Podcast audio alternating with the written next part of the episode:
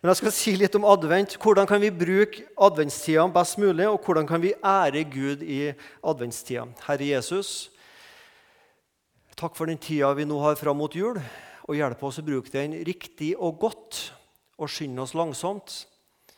Et sakte liv på en god måte og et sjølransakende liv, sånn at adventstida blir brukt på en god og nyttig måte. Amen. Jeg skal starte med å lese et uh, avisinnlegg som sto i avisa Vårt Land for noen år siden, av en prest som skriver om advent og jul. og Han setter ting litt på spissen, og det kan være greit. Trenger ikke å være enig i alt, men uh, han har likevel noen gode poeng. Advent er en forberedelsestid forut for julen. Man skal ikke komme uforberedt til det aller helligste. Den som skal møte barnet i krybben, bør vite hvem han er, for å kunne ta imot ham på en verdig måte og man må ha forberedt sitt eget sinn, skriver forfatter Vera Molland. I tillegg er det også en tid for selvransakelse. Fra gammelt av var derfor adventstiden en fastetid. Ta neste der, ja. Forberedelse, selvransakelse, fastetid. Faren ved å ta jula på forskudd. Det er forberedelsestid vi er inne i, og det er sjølransakelsestid.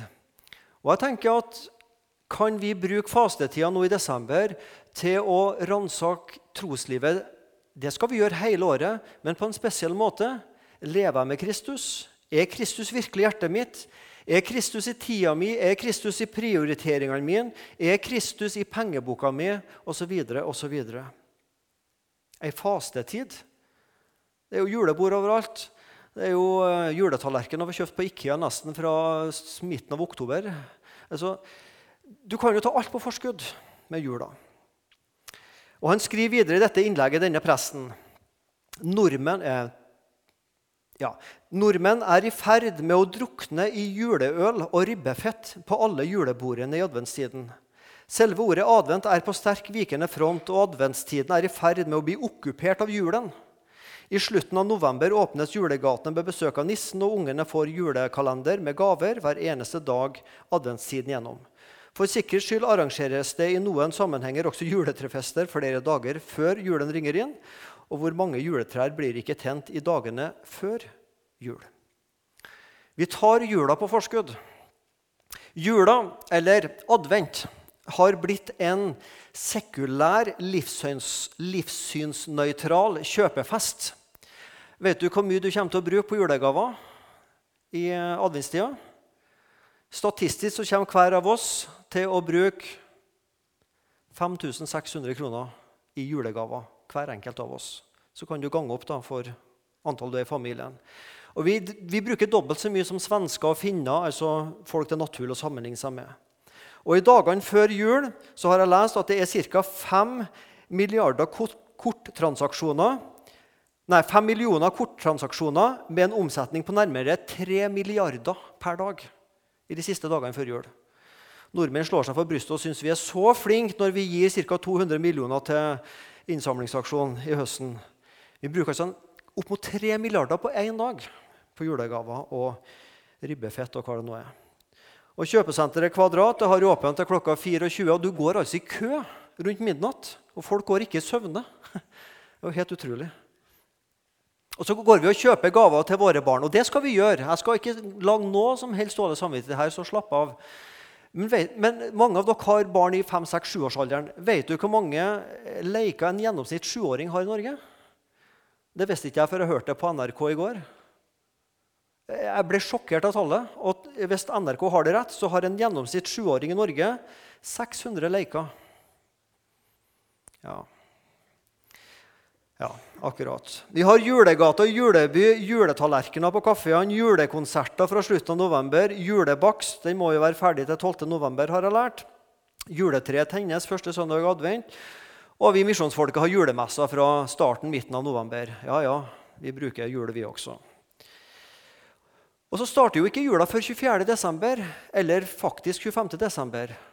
Men så er det mange som våkner 25. desember og tenker det var veldig travelt i år. Godt det er ferdig nå. Ferdig det er jo nå det starter. Eller det er jo da det starter. Men vi har tatt jula på forskudd. Vi mennesker vi har altså en iboende trang til å ta ting på forskudd. Vi tar jula på forskudd, vi tar middagen på forskudd, så vi må jo gjerne prøvesmake litt. Vi tar helga på forskudd, vi starter på torsdagen. Vi tar ekteskapet på forskudd, vi tar himmelen på forskudd. Det er så menneskelig å ta ting på forskudd at når gleden er der, så skulle jeg vært der, så er den nesten borte fordi vi har allerede vært gjennom det. Hvordan kan vi så bruke adventstida på en god og fornuftig måte? skal vi lese sammen i Matteus 22, 37-39. Du skal elske Herren din Gud av hele ditt hjerte, av hele din sjel og av all din forstand. Du skal elske de neste som deg selv. Det handler altså det to store bud om å elske Gud og å elske vår neste. Å elske Gud, det er å ære Gud. Å elske Gud, det er å elske min neste. Altså Når du og jeg elsker Gud, så ærer vi Gud. Og vi elsker og ærer Gud ved å elske vår neste. Så hvis vi vil ha et liv der vi ærer Gud, så må vi elske vår neste. Da ærer vi Gud. Blant annet da ærer vi Gud. Og Jeg skal litt kort i dag gå gjennom to bibeltekster med dere, som ikke er noen typiske adventstekster, men som jeg tror likevel kan si noen viktige ting til oss som kristne i ei adventstid der vi ønsker å bety noe. 1. Peter 4, 7-10. Slutten på alle ting er nær. Vær derfor sindige og nøkterne, så dere kan be. Framfor alt skal dere elske hverandre inderlig, for kjærligheten dekker over en mengde synder. Vær gjestfrie mot hverandre uten å klage. Tjen hverandre hver med den nådegave han har fått, som gode forvaltere over Guds mangfoldige nåde. Grunnen til at jeg tok fram akkurat den teksten, det skjønner dere sikkert når dere ser på tavla, det er at jeg har strekt under 'hverandre'. Hver enkelt av oss lever overfor Gud personlig, og vi er ansvarlige for vår tro, ikke for vår nestes tro. Troa er personlig. Vi er personlige kristne. Vi kan ikke være kollektive kristne. Vi har et personlig gudsforhold overfor Gud. Men samtidig, og samtidig som at vi er personlig kristne, så lever vi som personlig kristne i et fellesskap, i en menighet som Misjonssalen. Og vi lever sammen og er kalt til å være hverandre-kristne Hverandre-kristne. Jeg synes Det er så spennende å lese hos Peter og Paulus og streke under i brevene hver gang ordet hverandre kommer. Hos Johannes også. Og du vil se at Det er veldig mange ganger i Nytestamentet at dette ordet 'hverandre' kommer. Vi er kalt til å være hverandre kristne. Så dere kan be. Vær nøkterne og sindige, så dere kan be. Be sammen. Skal vi be sammen, skal vi ha et kristen fellesskap der vi ber sammen, så er vi avhengig av ærlighet, av kjærlighet og av respekt. Prøv å sette deg og be sammen med noen som du vet ikke respekterer deg eller du den, eller er ærlig med hverandre. Det er vanskelig å be da. Det er som å kjøre bil med håndbrekket på. Det, det, det, det vil slite synd til slutt. Skal vi be sammen, og ha et fellesskap der, så handler det om ærlighet, kjærlighet og respekt. Gjestfrihet. Vær gjestfrie mot hverandre. Gjestfrihet. Jeg håper ikke det blir et sånn museumsord. åpne hjem, åpne bibler, åpne kjøleskap. Jeg har hørt om en menighet som hadde det som sin visjon. Åpne hjem, åpne bibler, åpne kjøleskap. Jeg syns det var flott. det. Ja, uten å klage. Gjestfrihet uten å klage. Ja, Han satt hele kvelden, ja. Ville ikke gå. Han skulle tidlig opp på jobben, ja. Han ville ikke gå. Og som de spiste, da. Herlighet, som de spiste. Så klager vi på hverandre. Eller vi er samla noen kristne og begynner å klage og snakke om dem som ikke er der. Og baksnakke de andre menigheter som ikke er der. Noe må vi jo snakke om. Ja, uten å klage. Tjen hverandre. Har du hørt denne setningen? Det er tanken som teller. Løgn og bedrag. Tanken teller aldri. Det er gjerninga som teller. Tanken hjelper ingen. Det er gjerninga som hjelper. Praktisk handling. Tjen hverandre. Jeg tror adventstida nå, som Hilde var inne på, å gjøre noe for andre mennesker, for, kanskje for syke og ensomme og det, Jeg har tatt meg i det sjøl, og forstå meg rett nå. Jeg har sagt til syke og ensomme, spesielt syke, da, jeg ber for deg. Og det skal vi gjøre. Ingenting galt om det. Men så er det så lett å si 'jeg ber for deg', og så, og så gjør ikke jeg mer. Kanskje den syke og ensomme heller ville satt pris på et besøk. Like så mye som at du ba for den personen. Vi kan jo gjøre begge delene. Et besøk, gjestfrihet, litt praktisk hjelp er sikkert like nødvendig og hjelp, eh, god hjelp i som at vi ber for hverandre. Det er så lett å liksom bare si 'jeg ber for deg', og så føler vi at vi har gjort vårt. Gi også noe praktisk hjelp, og vær gjestfri. Vær, vær andre kristne. Det var den ene teksten. Den andre teksten den er fra Gammeltestamentet, Jesaja. Og Vi skal lese det kapittel 1 der, vers 10-18. Og Før jeg leser det, så skal jeg si litt om sammenhengen. Det er altså jødefolket som er i Jerusalem. Ehm, og de, de, går til tempelet, de er med på ritualene, de driver sine offer.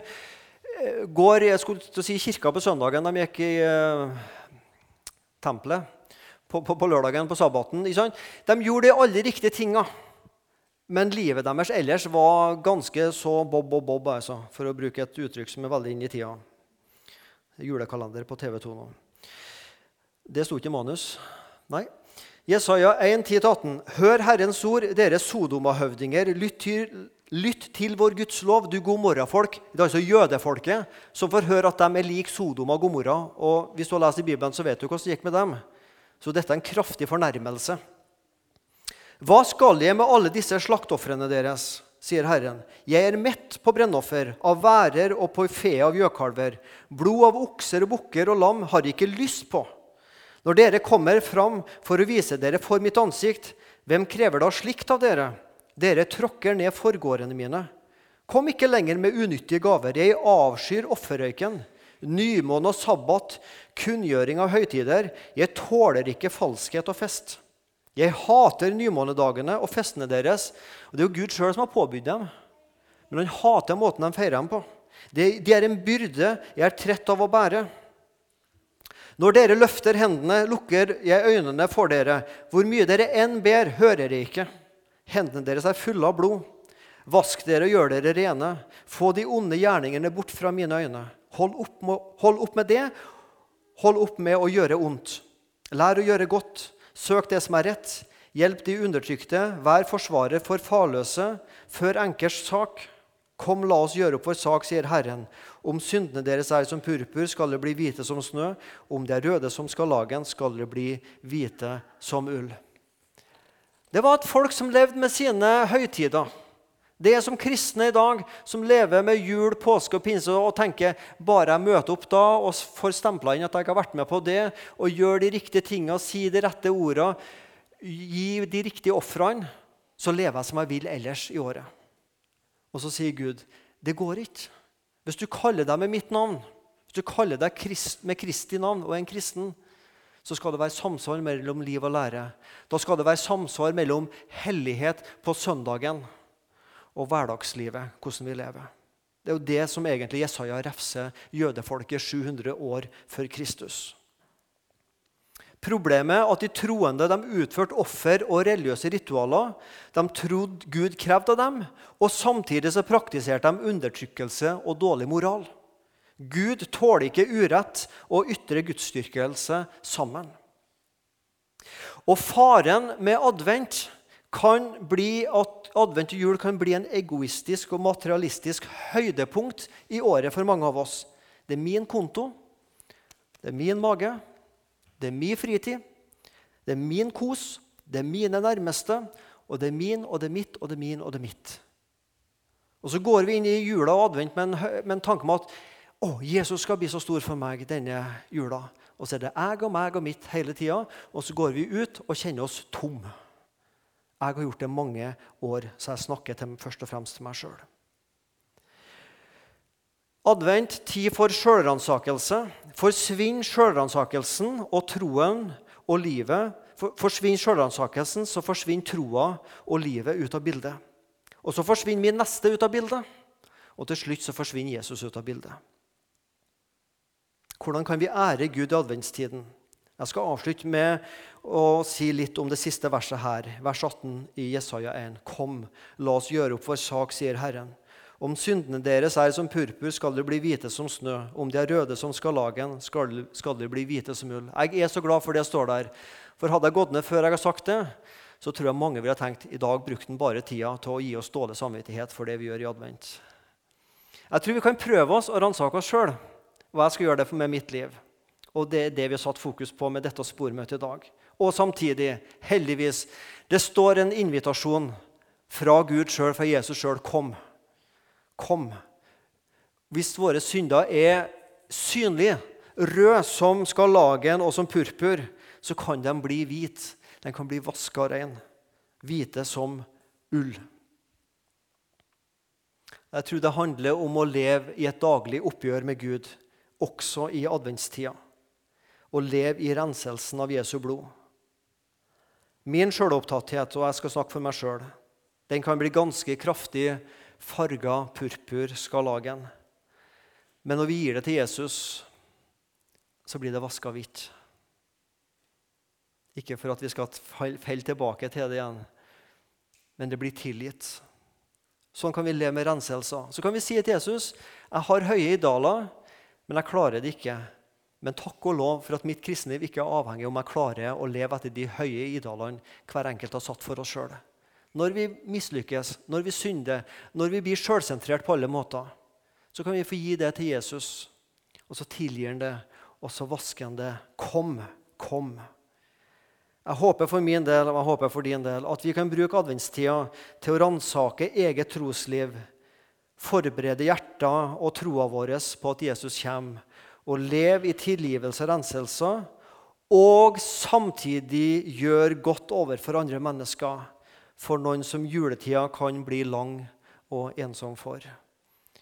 Og Som Hilde sa, nå skal hver enkelt av oss prøve å sette ned noe på et ark. Et løfte vi gir oss sjøl. Og, og, og, det er noe bibelsk med det. For Jesus snakker om det at vi, den som hører ordet, men ikke gjør etter det, han bygger huset sitt på sand. Men å høre og gjøre etter ordet, det er som å bygge på fjell. Jeg tror det er viktig at vi i våre møter kan ta noen vi kan godt kalle steg i tro. Ta noen bestemmelser som har betydning for vårt kristenliv, som andre kan merke at her er det en som har med Jesus å gjøre. Og så står vi sjøl ansvarlig for Gud. Jeg skal ikke gå og spørre deg når jula er ferdig. Gikk det bra med deg? Klarte du det? Klarte du å oppfylle alt du ønska for ditt eget liv? Nei, det skal vi svare for oss sjøl. Og når vi mislykkes, så vet vi Jesu blod renser for all synd. Takk, Herre Jesus Kristus, at adventstida handler om deg. Og eh, minn meg på det daglig, Jesus, at det er rikdommen i deg det handler om, og ikke rikdommen på en konto eller i noen gaver eller i noe mat, Jesus. Men at du, Jesus, blir stor og viktig for oss og at ut fra et personlig brennende trosliv så kan det merkes at vi har med deg å gjøre. At ensomme, syke naboer, hvem det er Jesus, kan merke at du bor i våre hjerter. Amen.